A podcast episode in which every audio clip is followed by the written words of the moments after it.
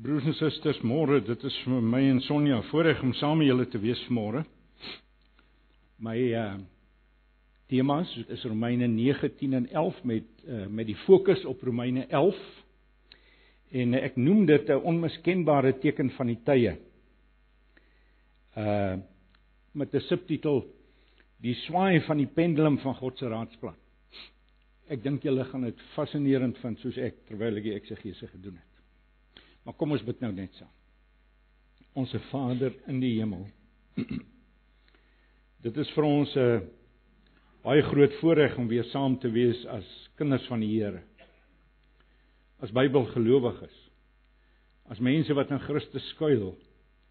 As kinders wat deur U aangeneem is. As tempels van die Heilige Gees. Ons is uitnemend bevoordeel. En ons sê vir u baie baie dankie daarvoor ag nooit kan ons dank enigsins opweeg teen die voorreg wat ons ontvang het nie.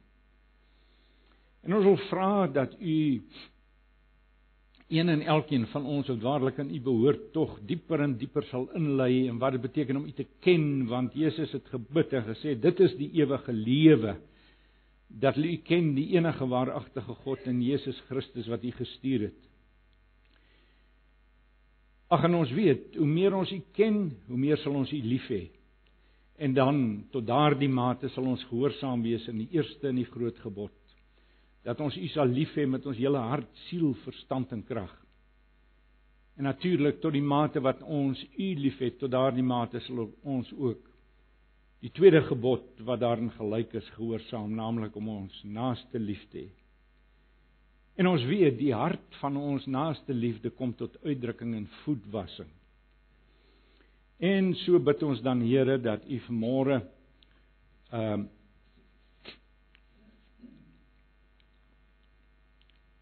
my broers en susters se voete sal was deur die verkondiging van die woord. Bid dat dit vir hulle sinvol sal wees om te hoor wat hulle sal hoor. Dat dit hulle sal aangryp soos vir my dat dit waarlik tot stigting sal wees en tot verheerliking van u heilige naam. Onse Vader, ons vra dit met die allergrootste vrymoedigheid. Want ons kan dit vra in die naam van die Here Jesus Christus. En ek glo dat dit vanmôre getroue uit uitleg is van u woord. En as dit dan so is, dan lê hierdie woord ook na in u hart. En mag dit dan ook na in ons hart lê. Onse Vader, dankie dat U ons hoor en verhoor. Ons prys U naam daarvoor. Amen. Nou goed, blaai saam met my na Romeine 9 toe eers. Nou ek gaan nie veel sê oor Romeine 9 nie, miskien 'n bietjie meer as oor Romeine 10, maar die meeste van ons aandag gaan ons wy aan uh aan uh, Romeine 11 vanmôre.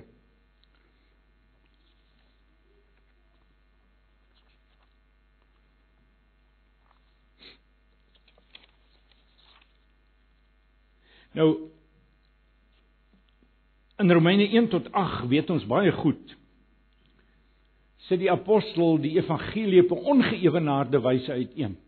Wonderlik ryk en vol en 'n mens kry net nooit klaar daarmee nie, is dit nie so nie? En dan is dit verstaanbaar dat hy afsluit met daardie aangrypende lofuiting aan die einde van Romeine 8 wat julle maar te goed ken, ek is seker daarvan. Waar hy praat van hiervan is ek oortuig geen dood of lewe of engele of bose magte of teenwoordige of toekomstige dinge of kragte of hoogte of diepte of enigiets anders in die skepping kan ons van die liefde van God skei nie. Die liefde wat daar is in Jesus Christus. Dis die lofuiting waarmee hy afsluit. Nou uh, nou weet Paulus dat as hy nou sy evangelie uiteengesit het soos hy gedoen het in die eerste 8 hoofstukke dan ontstaan daar noodwendige vraag Want dit is 'n vrye evangelie wat hy verkondig daar. Wie ook al wil vlug in Christus in. En hy hy gee vir ons God se versekering dat elkeen wat in Jesus Christus skuil sal geregverdig word deur die geloof alleen en alles wat daarop volg. Maar nou ontstaan daar 'n vraag in sy leser se gemoed. Hy voorsien dit. Paulus, maar wat van die Jode? Wat van die Jode? Hulle is die verbondsvolk al vir eeue en hulle het Jesus verwerp. Hoe kan dit wees? Wat van die verbond? En in hoofstukke 9, 10 en 11 antwoord hy hierdie vraag. En hierdie is eintlik een stofblok 9, 10 en 11, een stofblok. Dis een argument, dit moet ons vashou.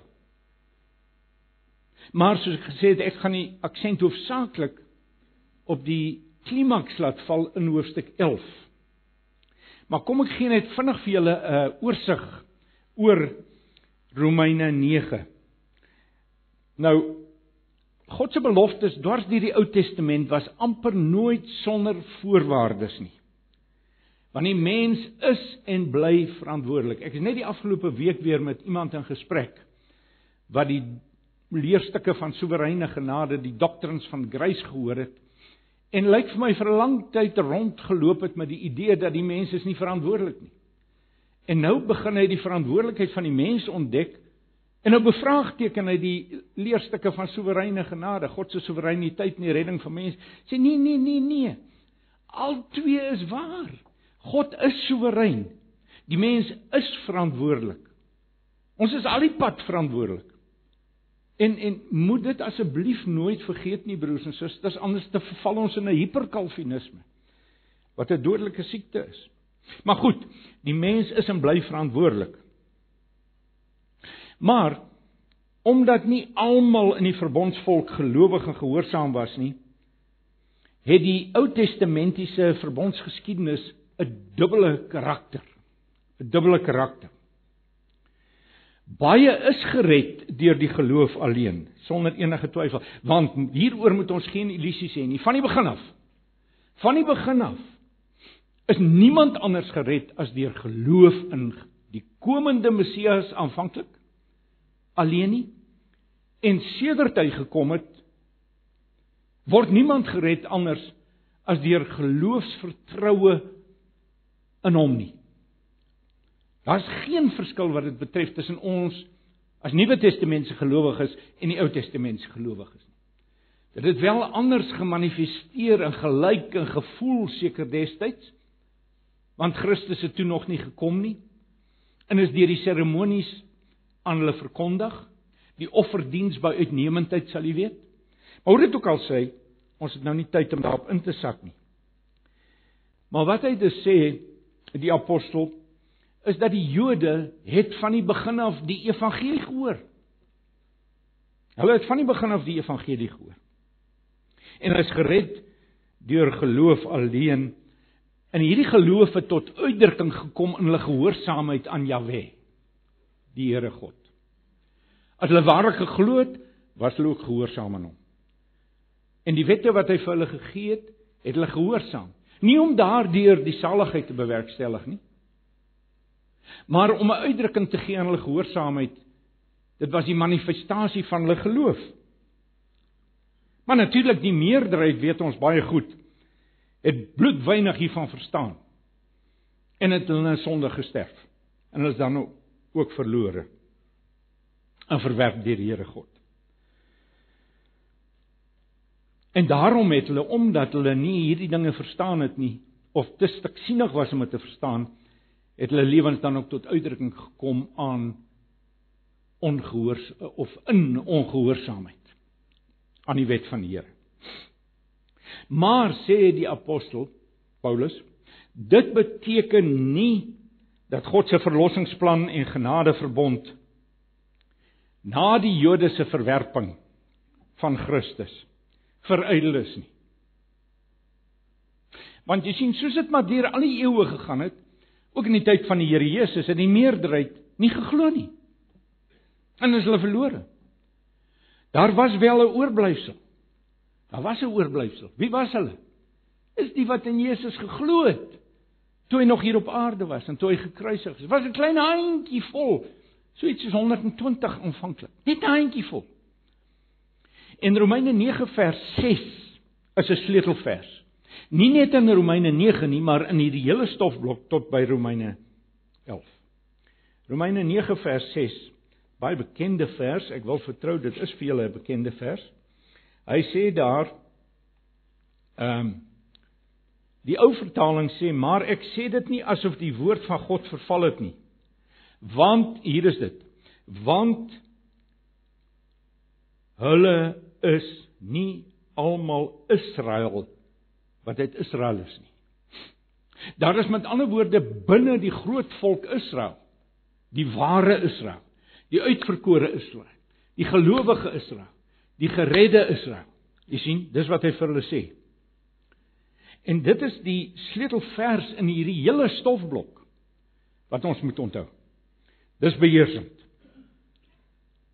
So daar was dus binne die grotere Israel die ware en die ewige Israel. Binne nasionale Israel. Binne die tydelike verbondsvolk was daar die ewige verbondsvolk. Dis hulle wat geglo het. Die oorblyfsel. In die Ou Testament word hulle soms genoem die oorblyfsel, uh, sogenaamd die sê nou maar die 7000 wat die knie voorbaal nie gebuig het nie. Nou in Romeine 9 vers 7 tot 13, net daarna na vers 6. Verduidelik die apostel sy verbasende stelling nou hier in hoof vers 6. Julle moet maar julle Bybels oophou voor julle. Aan die hand van twee voorbeelde. Uh die van Ismael en Isak, Abraham se kinders, en die van Esau en Jakob, Isak en Rebekka se kinders. Laat ek net eers aan die eerste 2 vers 7 tot vers 7 tot 9 sê hy Isak was die uitverkorene. Nie Ismael nie. Nou Abraham se julle goed weet, het twee seuns gehad. Ismael en Isak. Maar net in Isak se geval het die verbondsbeloftes in vervulling gegaan. Nie in Ismael se geval nie. Ismael wel sy sonde het getoon dat hy nie geglo het nie. Let op hoe stel ek dit? Sy sonde het dit getoon. Hy's nie verlore ten diepste, ten diepste oor sy sonde nie. Maar omdat hy nie geglo het nie. Die sonde is 'n manifestasie van sy ongeloof. Maar Isak het in sy gehoorsaamheid, al was dit baie gebroke, het hy getoon dat hy waarlik glo in die verbondsbeloftes van Jahwe. Dit was vaag, dit was dof, dit was gering, maar hy het geglo. Ek sal nou nou O nee, dis vanaand. Ekskuus, ek moet vanaand ook hier preek. Dan sal ek probeer werk 'n bietjie met die idee dat dis nie baie geloof wat ons red nie, dit is egte geloof wat ons red. Hoe dit ook al sê. Ehm um, so dit lyk nou wie apostel eh, 'n uh, beswaar by sy lesers antipasie uh, antipas antisipeer, vergewe my. En dan antwoord hy die vraag soos ek dit nou vir julle geantwoord het.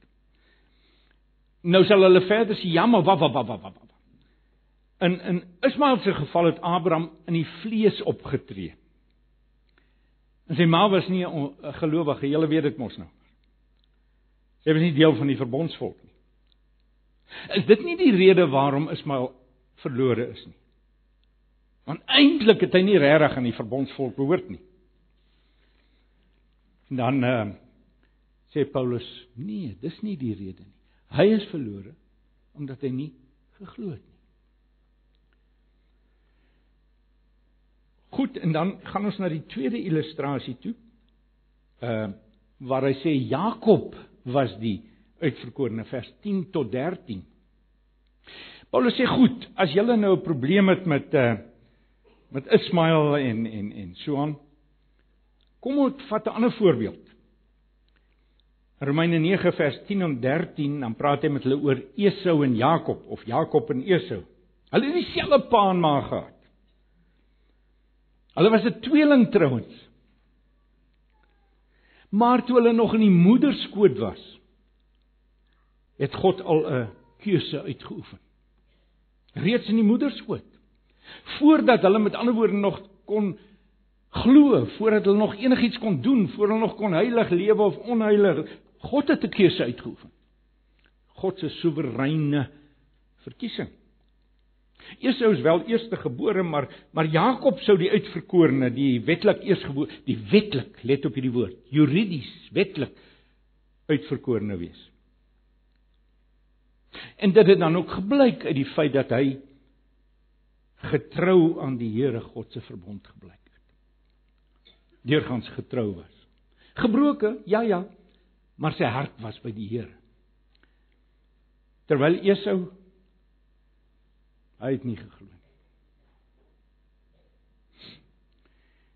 Jy sien wat die tweedeling in die volk van die Here betref, moet ons net 'n paar dinge sê. Dit was al van tevore 'n realiteit. Daar was al van voor hierdie manne voor Abraham se tyd was daar was die uitverkiesing alreeds aan die werk. Maar hier het ons die formele oorsprong van 'n tweedeling in die verbondsvolk, 'n tweedeling. 'n Groot massa ongeredde mense, onbekeerde mense Ons ken mos die Ou Testamentiese geskiedenis. Maar 'n klein groepie, die sogenaamde 7000 wat die knie voor Baal nie gebuig het nie. So binne nasionale Israel die ware Israel. En slegs die ware Israel was erfgename van die verbondsbeloftes. En aan hulle gehoorsaamheid aan Jahwe het dit duidelik geword. Dit het duidelik geword dat hulle die ware godsvolk, die oorblyfsel midde in die Joodse volk was. En dis waarvan Paulus in Romeine 9 vers 6. Dis nie almal wat van Israel is wat Israel is nie. Dis waarvan hy praat. En dis die eerste pen. Ek beklemtoon dit net want dis 'n beheersende vers in hierdie hele stofblok. Dis die eerste pen wat hy inslaan.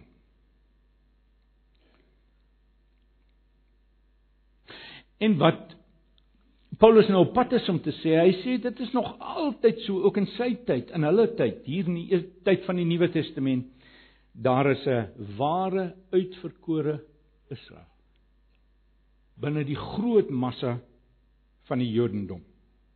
Dis hulle wat die Messias erken het. Dis hulle wat Jesus Christus aangeneem het. Dit was die eerste Christene vanuit die Jode. Die eerste Christene vanuit die Jode. Nou goed, dit vat ons dan nou na Romeine 10 toe. Romeine 10. Ek wil vinniger deur hierdie hoofstuk gaan. In hierdie hoofstuk leer die apostel ons dat daar in die Ou Testament so steeds net een manier van redding is. Dis baie belangrik, baie belangrik dat ons dit sal verstaan. Dwars deur die Ou Testament se tyd, dwars deur die Nuwe Testament se tyd tot vandag toe en so sal dit wees tot in die einde toe. Daar is net een manier van redding. Deur die geloof in God se middelaar alleen. Deur geloofsvertroue in hom. Deur hom in te vlug, in hom te skuil, deur hom te hang. En partymal voel dit vir ons ons hang net met ons tande, is dit nie so nie?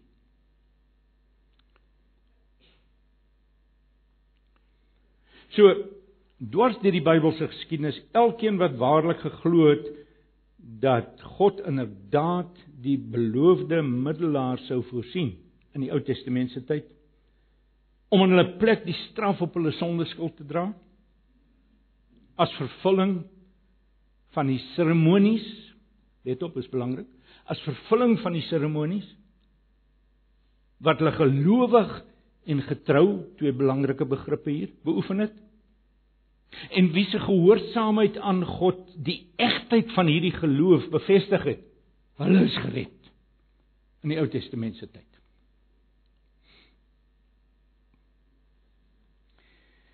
nou soos ons nou weet ek wil dit net weer herhaal helaas het die meeste Israeliete in hulle ongeloof baie min indien hoegenaamd enige begrip hiervan gehad soos hulle voortgaande ongehoorsaamheid uitgewys het, onbetwisbaar uitgewys het. En nêrens nêrens blyk dit duideliker as in hulle verwerping van Jesus Christus as die Messias nie. As die middelaar nie. As vervulling van die Ou Testament se seremonies. En daarom spreek die apostel Paulus sy hartstog en gebed uit dat sy mede-Jode tot bekering en geloof in Christus sal kom. Romeine 10 vers 1 tot 3. En hier is ek al by Romeine 10. Of ek is ek is daar. En dan sluit hy uiteindelik die hoofstuk af. Mens wonder eintlik, is dit nie 'n versigtiging in sy hart nie dat die Jode jaloers sal raak op die heidene wat nou en mas tot bekering begin kom. Onthou nou dis in die tyd van die bediening van die apostels. Hulle het hulle rug gedraai tot 'n groot mate op die Jode want die Jode het hulle verwerp en hulle het hulle na die heidene gewend. Ons ken dit tog nou. En nou kom die heidene of die nie Jode, die nasies kom nou en mas in die koninkryk in. En en Paulus se versigtiging is dat die Jode jaloers sal raak op die heidene wat in sulke groot getalle tot geloof kom. Hoofstuk 10 vers 19 en volgende. En dit bring ons dan nou by hoofstuk 11 uit. En hoofstuk 11 sê vir ons daar wag nog 'n wonderlike heilstoekoms op die Jode. Onthou nou, ons kyk nou vanuit Paulus se oomblikke vooruit. Maar laat ek dadelik sê, vir ons is dit ook nog toekomstig. Maar ons gaan nou daarby kom. Daar wag nog 'n wonderlike heilstoekoms op die Jode. Hoofstuk 11 van Romeine toon vir ons dat Israel se verwerping deur God nog totaal was want daar het mense tot bekering gekom Jode duisende duisende as jy Handelinge lees. Dit was nie totaal nie dit was ook nie finaal nie. Daar wag nog 'n wonderlike toekoms in Christus op die Jode. En dis nou dalk vir sommige van julle nuut as ek dit sê maar ek sal vir julle aantoon uit Romeine 11 dat dit presies is wat die apostel hier leer. En hier bring hy ons nou by vir ons ook profetiese waarheid. Die Here God gaan dit waarskynlik doen. Hy kan dit doen, hy gaan dit waarskynlik doen, trouens hy gaan dit verseker doen. Dis wat hy in Romeine 11 vir ons sê. Hy gaan 'n wonderlike genade werk onder die Jode doen. In die eerste instansie vers 11 tot 15 van Romeine 11. Ons is nou by Romeine 11, né? God kan die Jode restoreer. God kan die Jode restoreer. Vers 11 sê dat Israel se val nie 'n doel op sigself was nie. Nee nee. Hulle is hulle het geval, hulle het volhard in hulle ongeloof en die verwerping van die evangelie. Wat was die doel daarvan? Die nasies, die nasies moes nou eers die evangelie hoor. Dit was met ander woorde in diens hierdie verharding van die Jode aanvanklik in die Nuwe Testament se tyd in Handelinge. Julle onthou mos. Was in diens van die inbring van die oes vanuit die heidendom. En dit as Paulus hier skryf is steeds aan die gang. Dis aan die gang. Mens lees in Handelinge van hierdie Joodse verwerping van die evangelie en verwerp die apostels. En dit het hierdie radikale verskywing veroorsaak. Daar's 'n verskeie, ek kan vir julle die skrifplasings gee as dit nodig is. Van waar die apostel sê, "Goed, julle wil nie hoor nie." En van nou af draai ons na die heidene toe. En ook die vervolging van die vroeë Christene en hulle meegaande verstrooiing was in diens hiervan. Want soos hulle vervolg het, is het hulle het hulle gevlug. En hulle het veiligheid gevind, ironies genoeg in die midde, nie van die verbondsvolk Israel nie, van die Jode nie, maar in die midde van die heidene. Daar het hulle relatiewe vryheid gehad om hulle geloof te beoefen. Daar was in die eerste eeu, die tweede helfte van die eerste eeu, twee groot golwe van vervolging. Julle ken van Nero en so meer. Dit is waar. Maar groot dele van die tyd, daai laaste helfte van die eerste eeu, was hulle vry om om die Here te dien. Nou vers 16 tot 24 sê vir ons dat God gaan die hy het nou vir ons gesê God kan die Jode restoreer, dan sê hy God gaan waarskynlik die Jode restoreer. Vers 16 tot 24. Nou die apostel ontwikkel sy argument hier aan die hand van twee illustrasies. Uh die van 'n bol deeg van 'n bol deeg in vers 16a is net kort, hy noem dit net vinnig. En die van die olyfboom, die bekende illustrasie van die olyfboom, vers 16b tot 24, waarna hy nou baie meer aandag gee. Nou kom ons kyk net vir 'n oomblik na hierdie laaste illustrasie, die van die olyfboom. Nou ek dink dis baie voor die hand liggend as jy deur die hoofstuk lees. Hierdie olyfboom is simbolies van die totale godsvolk. Dis die beeld van die volk van die Here. En dan praat hy van die wortels of die wortel van die olyfboom. Dit verwys sekerlik na die aardsvaders Abraham, Isak en Jakob. In die takke van die olyfboom verwys na al die Jode nou, die volk, die Jode. En nou sê hy vir ons van wie hulle ongeloof gaan hulle afgesnoei word. Afgesaag word as jy wil. En dis presies wat gebeur het. Hulle is nie meer deel, die Jode is net eenvoudig nie meer deel van die olyfboom nie. Hulle is sonder God en sonder hoop in hierdie wêreld. Maar sê hy in sy beeld, dan kom die landbouer en hy vat lote van die wille olyfboom. Nou laat ek net dadelik sê of dit nou plantkundig moontlik is of nie is nou irrelevant. Hy gebruik hier 'n illustrasie. Sommige van julle plantkundiges sal nou frons en sê, "Maar dit werk nie so nie." Wel dis irrelevant. En dan vat hy hierdie takke van die wille olyfboom en hy ent hulle in op die stam van die makolyfboom. Daar't maar min takke van die natuurlike regte olyfboom oorgebly. Die makolyfboom. Hy plant of hy ja, hy plant hulle in as jy wil, hy ent hulle eintlik in in die olyfboom. En dit lê dui sonder twyfel op die gelowiges van uit die heidendom. Die van uit die nie-Joodse nasies. En so word hierdie mense wat vanuit die heidendom tot bekering kom, deel van God se olyfboom. Tot hiertoe is daar baie min in die kommentare enige vraagteken oor die vertolking. Dis baie voor die hand liggend. Maar nou kom daar 'n ernstige waarskuwing van die apostel se kant af. Ernstige waarskuwing teen trots in die wille olyfboomtakke wat ingeënt is. Hulle kan nou maklik sê ja, ons is ingeënt, julle klomp Jode is afgesny. Is verby met julle. Ons is nou ingeënt. Ons is nou die godsvolk. En dan waarsku Paulus hulle. Hy sê vir hulle: "Oppas, oppas, oppas. As die makolyfboom se takke afgesnoei kon word of afgesaag kon word, kan julle veel makliker afgesaag word." Julle is immers nie deel van die oorspronklike boom nie. Julle is nie van nature deel van hierdie olyfboom nie. Hoeveel te makliker is dit nie om julle af te saag nie. Vers 24. Maar sê, dis nie al nie.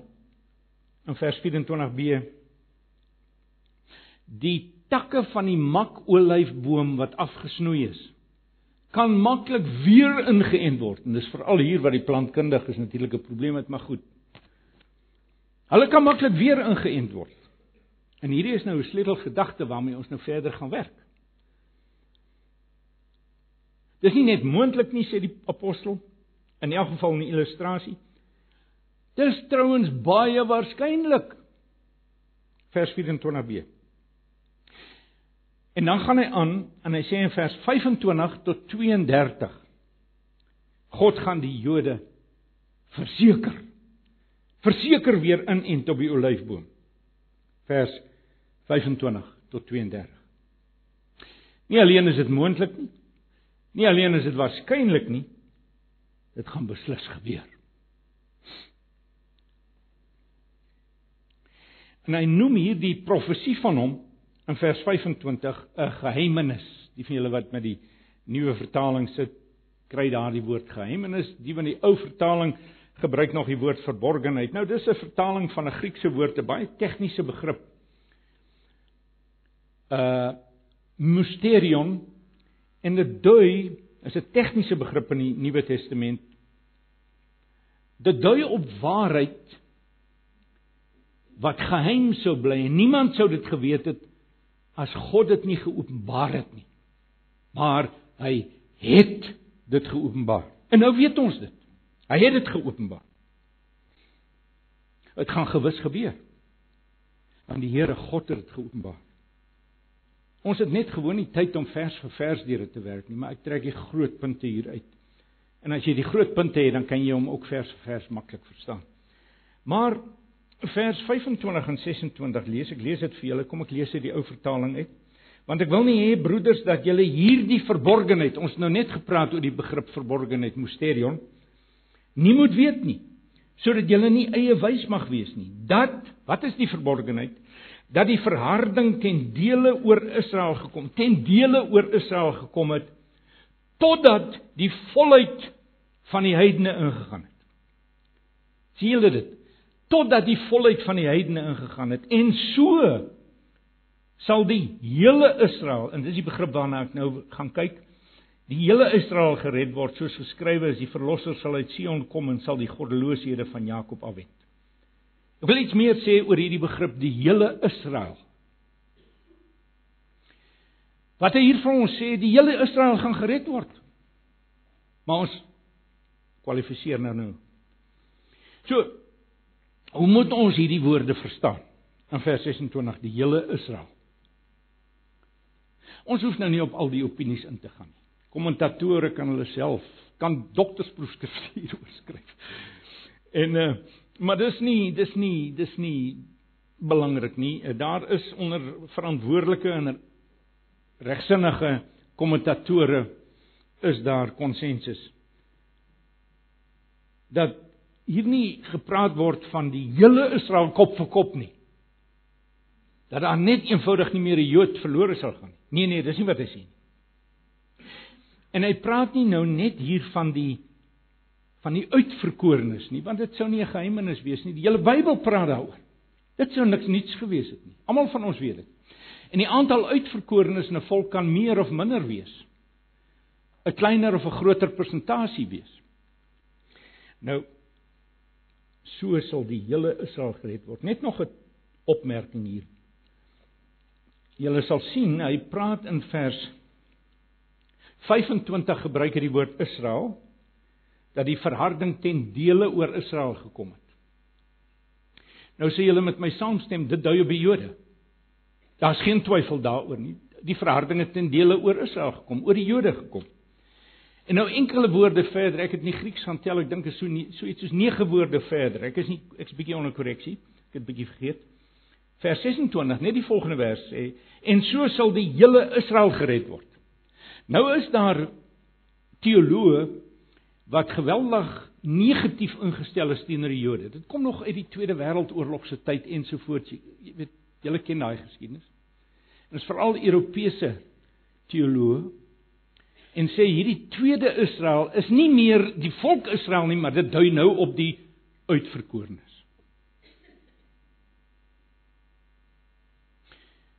Maar regtig waar, eksegeties kan dit nie. Want die apostel gebruik die woord Israel in dieselfde asem.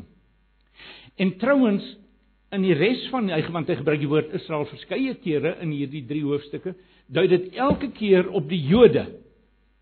Trouwens deur die hele Romeine boek dui dit elke keer op die Jode, Israel. Trouwens in die Nuwe Testament met die moontlike uitsondering van een plek dui dit elke keer op die Jode.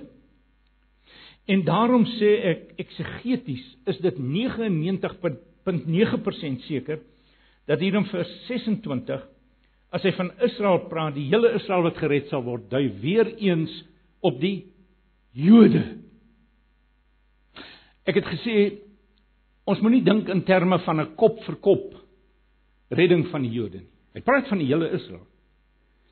Ons moet ook nie dink in terme van bloot net die uitverkorenes uit Israel nie. Dit sou ook nie lekker inpas in die betekenis van hierdie vers nie. Nee nee. Dit lyk asof hy hier praat van 'n beduidende persentasie, 'n meerderheid, 'n magtige groep uit die Jode wat tot bekering gaan kom, wat gered sal word. Waarskynlik die oorgrootste meerderheid van die Jode. En die van julle wat nou politieke want ek sien party van julle kyk my so. Wat nou politieke vooroordeele hier het en ontspan nou, kom ons luister net na die woord van die Here. Die meerderheid en ek kan vir julle sê ek het talle talle Romeine kommentare op my rak. Ek praat van 10, 12 is as dit nie meer is nie. Voor die voet sê hulle vir jou dit dui waarskynlik op 'n groot persentasie van die Joodse volk. Een Marie eh, 'n bekende kommentator, wel hy's nie so seer 'n skrifkommentator nie, maar hy's 'n baie bekende figuur in die in die evangelies gereformeerde evangeliese wêreld. Hy sê this is not to say that every individual Israelite will be converted. En hy gaan nou verder. The number to be ingathered will be of an extent which justifies the expression all Israel shall be saved. Maar dit lyk vir my asof die woord hier, ek het geen twyfel daarin. Duidelik, duidelik, duidelik vir ons sê daar was nog 'n magtige genadewerk op die Jode. 'n Wonderlike genadewerk. Magtige volksherlewing soos die wêreld waarskynlik nog nooit beleef het nie. En ek kan net vir julle sê en ek het net goeie kommentare op my rak, ek koop nie gemors nie. Betroubare Bybelgelowiges voor die voet. Toe ek by die 10de kommentaar kom toe, hou ek maar op. Hulle sê vir jou sê dis hoe hulle dit verstaan. Nou, dit lyk vir ons onhaalbaar. Hoe kan dit wees? Kyk na die wêreld. Daar's nie meer tyd oor nie. 2050 is alles verby, man. En so meer en so meer. Maar vir die Here God is daar niks, maar niks onmoontlik nie. Nou goed, ek wil iets sê oor die effek hiervan op die nasies. Die effek van die groot bekering, die volksherlewing onder die Jode, gaan 'n effek hê op die nasies. Nou laat ek net dadelik sê ek is bang ek vergeet. Paulus gee nie vreeslik baie aandag hieraan nie. Hy het twee of drie suggesties dat daar 'n dat die Jode dan wanneer hulle so en mas tot bekering kom weer gaan uitreik na die nasies en dat baie van die nasies groot getalle tot bekering gaan kom. Maar hy, hy werk dit nie behoorlik. Hoekom nie? Gewoon hy skryf oor die Jode en hulle toekoms. Dis waaroor hy besig is. Onthou julle nog Romeine 9 vers 6? Dis waaroor hy skryf. Dis waarmee hy besig is. Maar nou is daar suggesties. Ek sal nou vir julle verduidelik waarna ek verwys. Die nasies. Dis die een kwessie wat nou oorbly. En dit lyk vir my die apostel sin speel baie duidelik daarop. Kyk na vers 12 gaan net 'n oombliekie terug na vers 12. Hier's 'n belangrike en 'n onontkombare suggestie lyk dit vir my. Wat hy daar sê, kom ek lees dit net weer. Ek lees maar die ou vertaling is lekker letterlik. En as hulle val die rykdom van die wêreld is. Dis nou die Jode se val in die eerste eeu. Die rykdom van die wêreld is. Mag ek net sê, nou val ek myself in die rede. Die van julle wat met die ou vertaling en die nuwe vertaling sit, sal vind dat die woord val word 3 keer in vers 11 en 12 gebruik. sien julle dit? Een keer in vers 11 en 'n tweede keer in vers 11 en dan een keer in vers 12. Maar dis 'n swak vertaling. Dis 'n swak vertaling. Die eerste val beteken inderdaad val in Grieks. En as julle my wil kontroleer en julle moet my kontroleer, julle moenie net glo omdat ek 'n oop gesig het alles glo wat ek sê nie. Gaan kontroleer dit. Vat Engelse vertalings en mag ek net sê die nuutste Afrikaanse vertaling, die die die wat is hy nou weer? Die direkte vertaling. Dankie. Die eerste uitgawe wat ek nog op my rak het, is so 'n dun boekie. Vertaal ook nog al twee hierdie Griekse woorde met dieselfde woord val. Maar ek het nou 'n latere vertaling waar hulle dit verander het en reggestel het.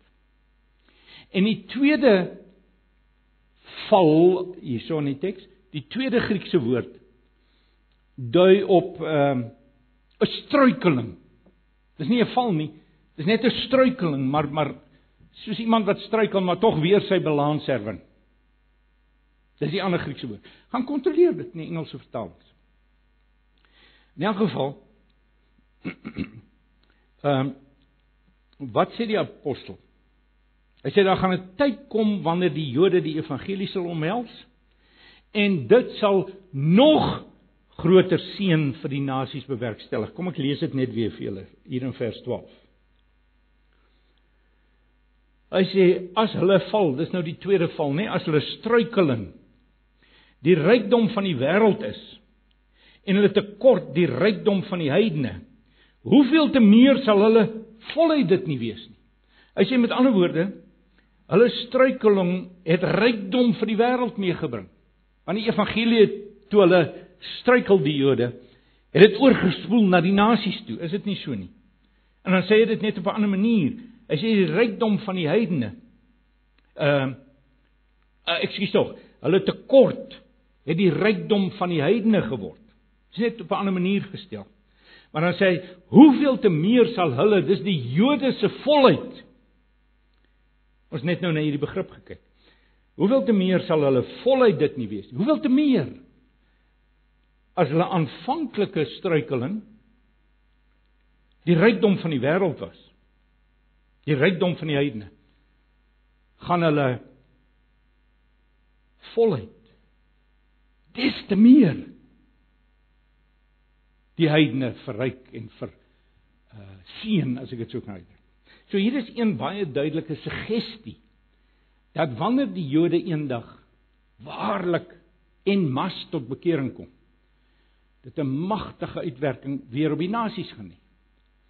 Dat hulle weer sal inbeweeg in die nasies in en nou weet ek nie of julle 'n Jood ken, 'n Joodse Christen. Kyk, daai man het het 'n ywer Joodse Christene wat ek tot vandag toe ken, het 'n ywer wat ons Christene uit die heidene maar net kan begeer.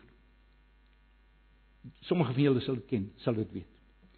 En so dit lyk asof die Jode dan nadat hierdie volksherlewing sal plaasvind, weer in sal beweeg in die nasies in.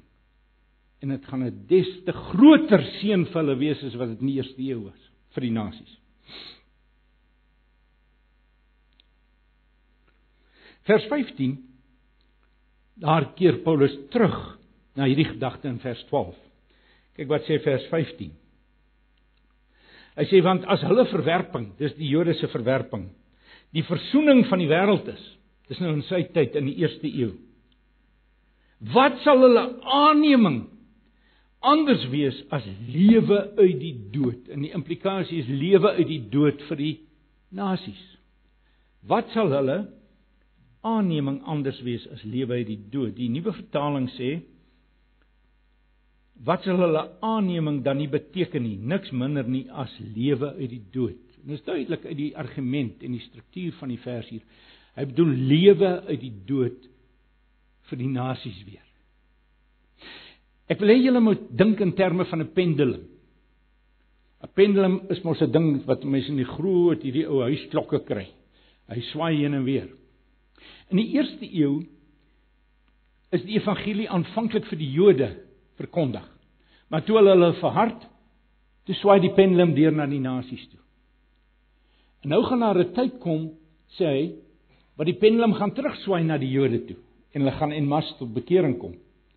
En nou lyk dit vir my hy sê die pendulum gaan 'n vierde keer swaai van die Jode af dan en nou praat ons toekomstaal.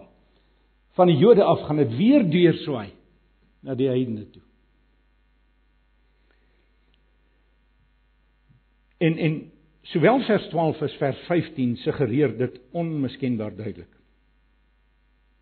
So die Jode se massa omhelsing van die evangelie eendag gaan 'n veel groter geloofsimpak op die nasies hê as wat dit in die eerste eeu gehad het. Dit sal vir die nasies wees soos lewe uit die dood. Begin julle sien ons het hier met 'n opwindende profesie te doen. Indien my uitleg korrek is en ek is absoluut oortuig daarvan. maar om hierdie spyker behoorlik in te slaan. Kom ek parafraseer net die twee verse. Vers 12. Luister maar net. As die nasies as gevolg van die Jode se ongeloof destyds tot vandag toe soveel seën en rykdom ontvang het die nasies. Is dit mos onomkombaar duidelik dat die Jode se volheid hulle volkswye omhelsing van Christus des te meer seën vir die nasies gaan inhou. sien nie dit? Of vers 15, kom ek parafraseer dit so. As die Jode se verwerping van Christus tot nou toe verzoening vir die nasies meegebring het. Hoeveel te meer sal die Jode se komende volksomhelsing van Christus gewis vir die nasies nog grootser seën as ooit tevore inhou. Dit sal vir die wêreld soos lewe uit die dood wees. Ek weet ek krap nou hier aan baie van julle se eskatologie hoor. En dan my nog gekrap. Nou die vraag is, leer die res van die Bybel dit? Hierdie hierdie deurswaai van die pendulum terug na die nasies toe. Dis nog alles toekomstaal hierdie, né?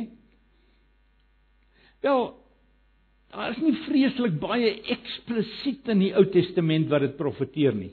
Maar kom ek haal net vir julle 4 of ja, 4 aanhalinge uit die Psalms aan.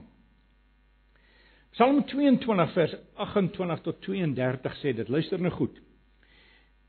Dis 'n profesie hierdie. Mense oor die hele wêreld sal die Here erken en hom en hulle tot hom bekeer. Alle volke sal hom as koning erken. Al die rykes van die wêreld sal ook aan die maaltyd deelneem en hom as koning erken. Ja, alle mense sterflik en verganklik sal voor hom kniel. Nou ja, nou hang dit af van jou eskatologiese model, nê? Nee. Maar laat ek net dadelik sê hier is geen geen verwysing na Openbaring 20 se millennium en uur nie.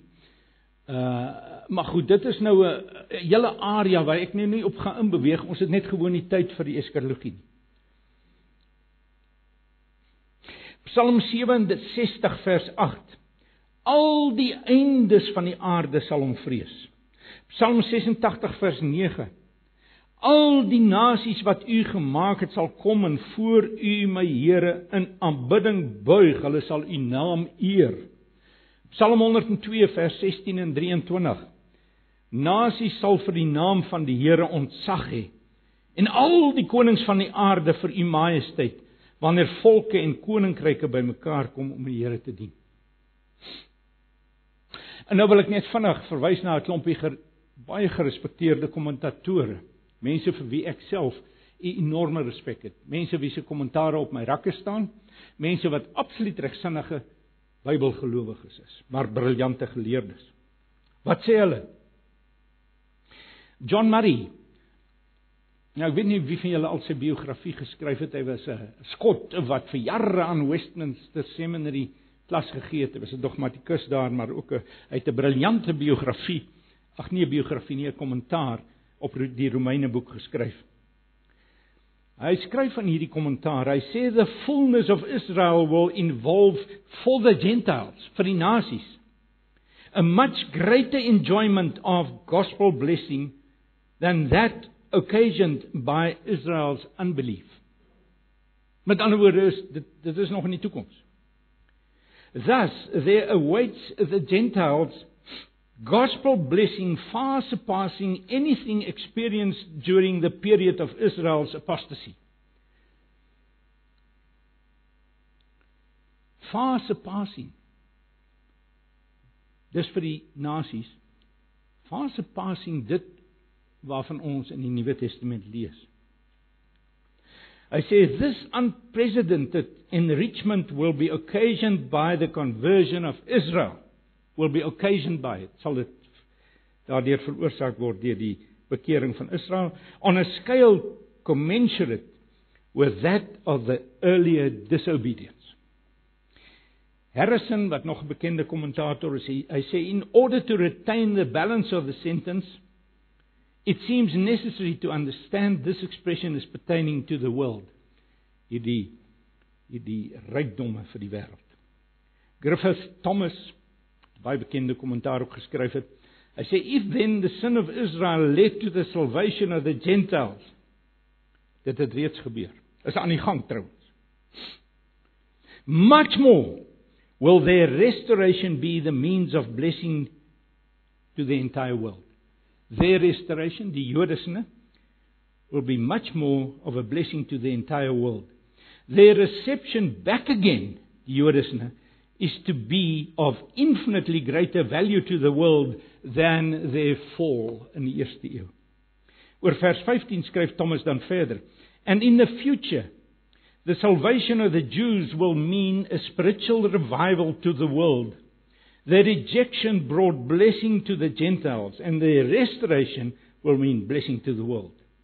Robert Haldane wat 'n baie beroemde kommentaar oor Romeine geskryf het baie lank terug If the casting away of the Jews was such a blessing to the world, their recall will be a blessing unspeakably greater. It will occasion a revival among the Gentile churches from a dead and almost lifeless state which will resemble a resurrection. Dis die beeld wat Paulus gebruik. Die gerespekteerde prediker Martin Lloyd Jones sê in 'n preek what he is concerned to show here is the effect not upon the Jews but upon the Gentiles. Die nasies. From the beginning of verse 11 he has been showing that the fall of the Jews is for the benefit of the Gentiles. When he asks asks how much more their fullness, how much more to whom? To the Gentiles. Ook die bekende John Stott wat 'n paar jaar terug oorlede is, dink in hierdie terme. Paul foresees that unimaginable blessing is going to enrich the Gentiles. A worldwide blessing which will so far surpass anything before experienced. Dis nou in that it can only be likened to new life out of death. Hy sê verder if God could, could use the tragedy of Israel's rejection to bring salvation to the Gentiles, with what further blessing could He not enrich the world through Israel's acceptance and fullness? Betekenisvol is 1 Marie se Ekskuus, ek is hier mekaar met al my bladsye. In sy boek oor die ou Purityne The Puritan Hope is nogal 'n moeite werd boek om te lees. Revival and the Interpretation of Prophecy.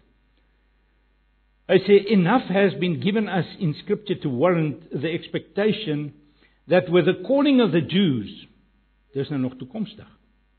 There will come far-reaching blessing for the world. Hy skryf dan verder. Hy sê this is not to say that every individual Israelite will then be converted the number will, to be ingathered will be of an extent which justifies the expression all Israel shall be saved. Maar hy gaan nou verder. God has further planned the salvation of Israel on a scale which will enrich the Gentiles to a degree hitherto unprecedented. Grace, not judgment, is God's ultimate purpose. The sense of verses 12 and 15 points to a vast addition to the addition to the church by Israel's conversion, with resulting wider blessing for the world. There's a great revival predicted here. Ag en ek ek gaan nou 'n bietjie van die goed oorhaal want ek dink ons tyd is ja, ons is omtrent 'n uur in die gange. Kan jy nog uithou? Let mos gerus. Kom, net ter afsluiting 'n paar punte van toepassing. Hoe ver is ons van die volle getal van die heidene af? Met ander woorde, die huidige sending uitreiking voordat die Jode nou weer tot bekering gaan kom. En mas, hoe ver is ons van daai punt af? Nou, daar is die afgelope 2 weke en ag 2 weke, 2 2 eeue 'n enorme sending ontploffing, die van julle wat weet. Sending ontploffing, ongekend vroeër in die geskiedenis. En dis baie betekenisvol. Asof die Here God haastig raak nou. Asof. Daar's nog baie werk om te doen, verseker ja. Maar dit is so dat die oorgrootste meerderheid van die nasies reeds tot 'n minder of meer meerder mate die evangelie gehoor het. Kom ons dink net oor die vertaling van die Bybel en ek het 'n baie goeie vriend wat 'n baie vooraanstaande Bybelvertaling is by Wycliffe Bible Translators. En ek was ook hier afgelope tyd met hom in gesprek op internet. Die Bybel, die volledige Bybel, is reeds in al die groot tale van die wêreld beskikbaar. Dis nog net 'n klompie kleiner taaltjies wat oorbly. En hulle is bykans almal reeds geoormerk. Dis net 'n kwessie van tyd dat die vertalers na vore kom en dit sal gebeur.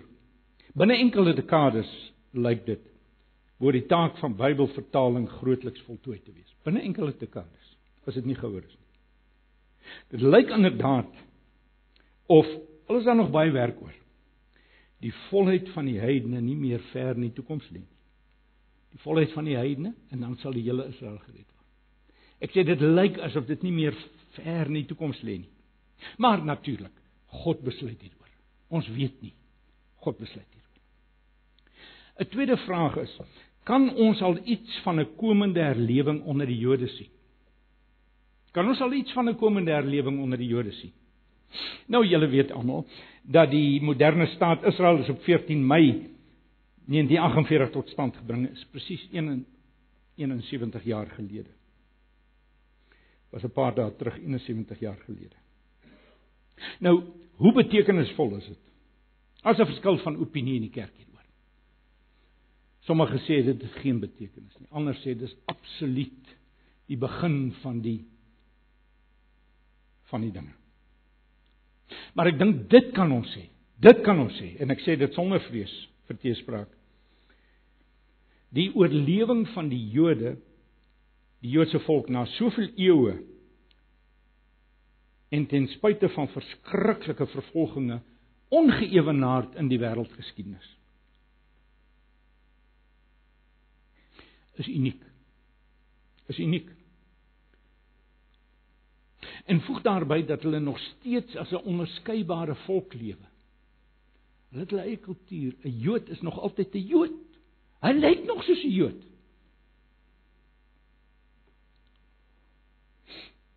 So, wat myself betref, het ek nou nie 'n definitiewe dogmatistiese standpunt oor die plek van die moderne Israel, die staat Israel in die in die in die geskiedenis nie, maar ek hou Israel met 'n fyn oog dop. Ek hou die verwikkelinge in die Midde-Ooste tog aandagtig dop. Maar ek wil niks daarmee suggereer nie. Ek sê self ek sit 'n bietjie op die draad wat dit betref. Maar die afgelope dekade of 2, net net nou in die afgelope jare, is daar 'n besondere verskynsel aan die gang onder die Jode. Relatief baie Jode vloei na Christus toe. Hulle neem die Messias aan. Ons praat van die messiaanse Joodse beweging. Ongelukkig, ek was lank op internet het ek gesoek en ek het e-posse gestuur en, en ek het nou tot nou toe nog nie finale syfers hieroor nie. Maar ten minste 'n paar honderd duisend Jode in die wêreld het reeds messiaanse Christene geword. Dit is verseker so. En hulle kom in gemeentes, messiaanse gemeentes bymekaar. Sommige bronne sê selfs meer as 'n miljoen van hulle. Maar ten minste, kom ons wees konservatief, 'n paar honderd duisend Jode is reeds messiaanse Jode in ons wêreld vandag. Dit lyk asof daar in Israel self ongeveer 20000 messiaanse Jode is. Nou mag dit vir jou na baie klink, maar dit is omtrent maar 1% van die van Israel se bevolking. So dis nog nie dis nog nie geweldig nie. Maar dit is betekenisvol.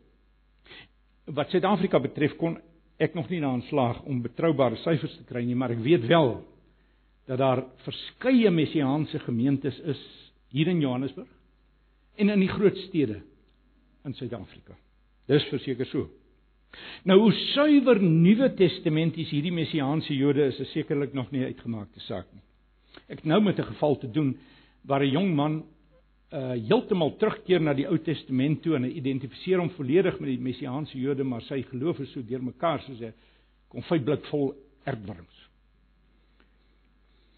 Ek het maar nog net baie beperkte kontak gehad met messiaanse Jode. En ek het die indruk dat baie van hulle, ek sê nie almal nie, maar dat baie van hulle nog nie heeltemal deurgebreek het na 'n suiwer Nuwe Testamentiese Christendom toe nie.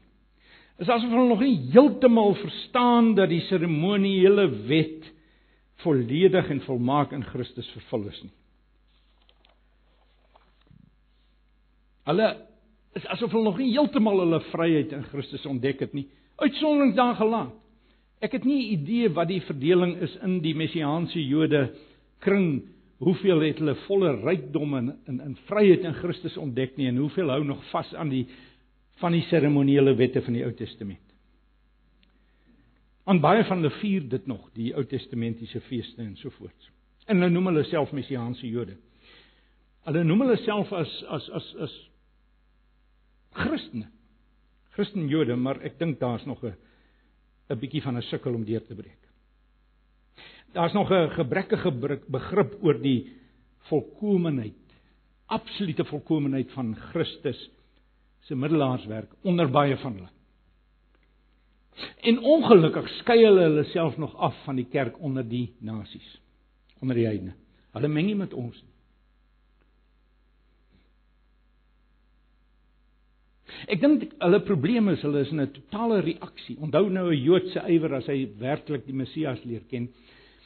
Daar's 'n reaksie teen die valse kerk. Wat hulle nie verstaan nie, broers en susters, is dat 'n enorme persentasie van dit wat deurgaan in die Christelike kerk vandag in die wêreld is hoegenaamd nie kerk nie. Is hoegenaamd nie geredde mense nie. Dink maar aan Suid-Amerika en al die sinkretisme daar. En as jy na die statistieke gaan kyk, word die sioniste en almal word ingesluit deur die statistici. En ek wil my nie oor mense uitlaat individue jy's gered, jy's nie gered nie, is nie my saak nie. Maar die punt is net, ek sê daar's 'n enorme persentasie van mense wat deurgaan in die kerk in die wêreld vandag wat nie gered is nie. En dit geld vir ons Afrikaners ook. Baie seker daarvan. So hulle skei hulle ongelukkig nog tot 'n baie groot mate af van die kerk onder die nie Jode onder die nasies. En en natuurlik Efesiërs 2 sê vir ons daar's 'n samevloeiing uiteindelik tussen die Christene onder die Jode en die Christene onder die nasies. Ek lees vir julle vinnig vers 14 tot 18 van Efesiërs 2. Daar skryf die apostel Christus is ons vrede. Hy wat die twee Jode en nie Jode een gemaak het Deur sy liggaam te gee, het hy die vyandskap afgebreek wat vroeër soos 'n muur skeiding gemaak het. Die wet van Moses het al sy gebooie en bepalinge, die wet van Moses met al sy gebooie en bepalinge het hy, dit is Jesus Christus opgehef en deur vrede te maak het hy in homself die twee, Jode en nie-Jode, tot een nuwe mensheid verenig. Deur sy dood aan die kruis het hy 'n einde gemaak aan die vyandskap en die twee met God versoen en tot een liggaam verenig deur hom met ons almal Jode en nie Jode deur die een gees vrye toegang tot die Vader. Maar al wat ek vir julle wil sê is ek dink die eerste druppels van die bekering van die Jode het tot het begin val. die eerste druppel sout begin val. Eskatologiese implikasies, ek gaan nie my uh, kop hier naby nes indruk nie. Maar uh, ek wil net dit sê, enige Christen sal besef dat Romeine 11 jou vertolking van die eindtye beïnvloed. Dat dit eskatologiese implikasies. Maak nou nie saak hoe jy dit vertolk nie. En inderdaad het elkeen van die groot wederkoms standpunte sy eie vertolking van Romeine 11. En maar nie almal is ewe oortuigend wat my betref nie. Maar ons gaan nie nou wegdwaal op hierdie punt nie. Punt 4. Die Here se onkreukbare en ewige getrouheid aan sy verbondsbeloftes. Let hierop. As God beloof het, staan dit vaster as die berge. Hy is in staat om enige bedenklike situasie te omskep tot iets volkome volgens sy wil en tot sy eer. En op die oomblik is die is die toestand van die wêreld en die en die en die en die die vooruitsigte vir hierdie wêreld is sleg, is negatief. Die prognose is nie goed nie. But God. Ek het net die afgelope week, ja, ja, ja, hierdie week met 'n man wat 'n professor is in ingenieurswese gesels. 'n Vriend van my, goeie vriend, baie goeie vriend van my. En dit was fascinerend wat hy my vertel het waarmee is van die ingenieursfakulteite in Suid-Afrika besig in navorsing om die huidige ekologiese krisis in in die wêreld te oorkom. Goed soos son gewekte elektrisiteit en hierdie tipe van goed. Julle sal weet tot nou toe was dit nog baie duur. Ons was nou onlangs in die Kaap en ons het deur die Karoo teruggekom, nie die gewone roete die N1 nie, maar noord daarvan. En ons het die wonderlikste opwekkers gesien van elektrisiteit, windkrag, sonkrag. Windkrag, sonkrag. Dis die toekoms. Maar hoe dit ook al sê, al wat ek wil sê is laat ons die Here se vermoë om in sy algemeen, let op sy algemene genade, tegnologie en die intellektuele kapasiteit van die mens. Laat ons dit sy genade om dit te gebruik om hierdie ekologiese krisisse en goed wat ons beleef tans om dit te oorkom. Laat ons dit nie onderskat nie. Ek hou nie my lyf profeet hier nie. Ek weet nie, ek weet nie, ek weet nie. Maar dalk dalk is daar nog heelwat meer tyd oor as wat baie mense dink. Kyk nou maar na die Ou Testament. Meermale was dit oënskynlik heeltemal neusie verby vir die volk van die Here. En dan het God gekom en hy het net die situasie omgedraai in sy almag.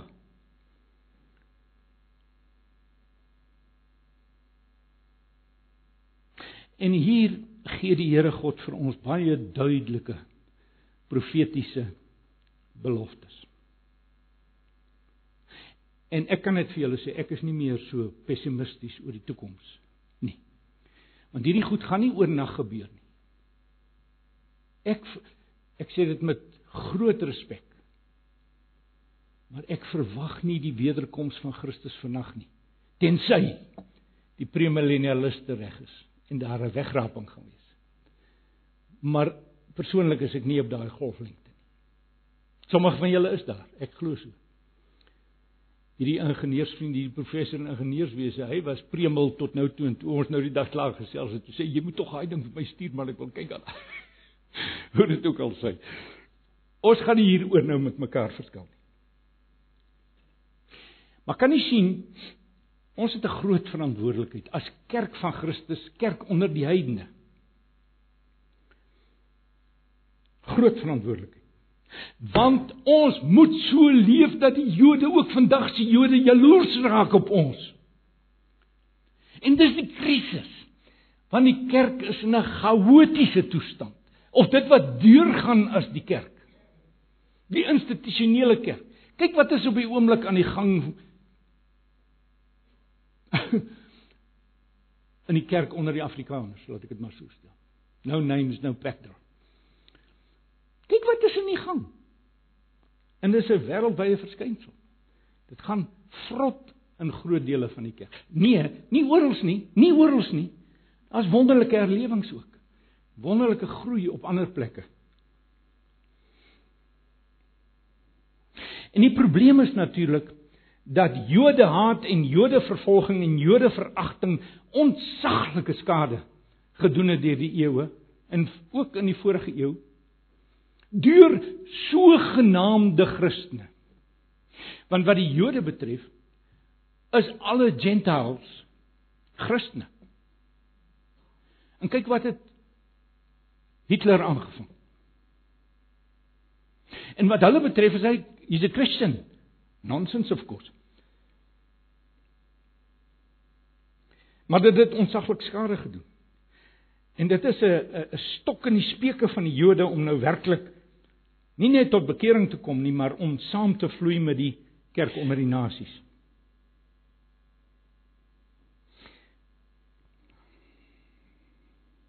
Net 'n laaste opmerking en dan sluit ek af.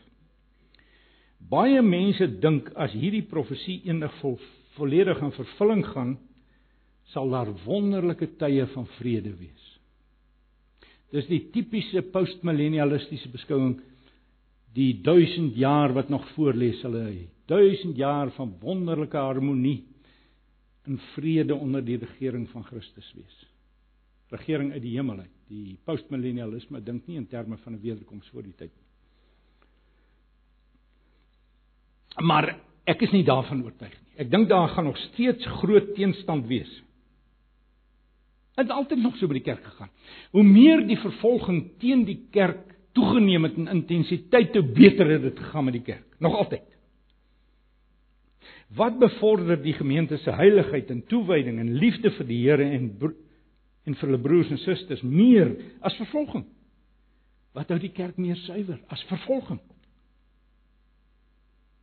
En daarom dink ek nie hierdie tyd as die nasies tot bekering kom gaan noodwendig maklik vir ons wees nie. En leer Openbaring en dis 'n vertolking van Openbaring 20 ook hier. Vers 7 en volgende nie dat Satan aan die einde van die 1000 jaar soos dit daar staan uit sy gevangenskap losgelaat sal word nie. Hy sal die nasies mislei en hy sal die magte van die bose mobiliseer en die laar van die heiliges omsing. Maar maar dan sê Openbaring 20 sal vuur van die Here uit die hemel neerdal en hierdie vyande van God verteer. En dit sal dan die einde wees. Ek sluit af. Laaste paragraaf. Indien ek vanmôre Romeine 11 korrek uitgelê het. Wag daar nog ongeëwenaarde tye op die kerk van Christus in hierdie wêreld. As die Jode se oë eenmal oopgemaak word. En dit geld ook vir die nasies. Ons weet nie wanneer alles in vervulling sal gaan nie. Maar verseker leef ons as Christene van die 21ste eeu in opwindende tye. Kom ons kom dis 'n positiewe rad. Mag hierdie studie ons opwek om met nuwe ywer te bid vir die vervulling van Romeine 11 se geheimenis. Onthou julle die mysterium. Mag dit ons op die geloofsvoorvoet plaas. Mag dit ons vervul met 'n lewende hoop en 'n nuwe afwagting op die koninkryks triomfe wat ek glo Romeine 11 vir ons voorhou koninkryks triomfe wat onontkombaar aan dit kom is. En mag dit ons vervul met 'n diep dankbaarheid om betrokke te wees, ongeag hoe nederig ons bydrae ook al is, deur gebed, deur te gee, deur te gaan. Mag die Here julle seën. Kom ons bid saam. Ag onsse Vader,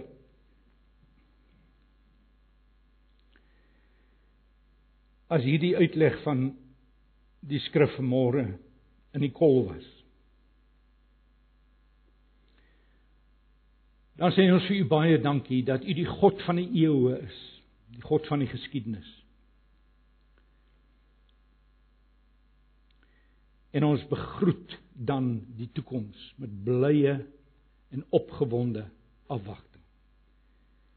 Christus Jesus is die oorwinnaar. En u bring triomfe wat ons dalk vandag nooit kan bedink nie. Ons eer u heilige, almagtige naam. Ag mag nou die genade van die Here Jesus Christus en die liefde van God ons se Vader en die gemeenskap van die Heilige Gees met elkeen van die Here God se kinders wees. In hierdie dag week wat voorlê tot in ewigheid. Amen.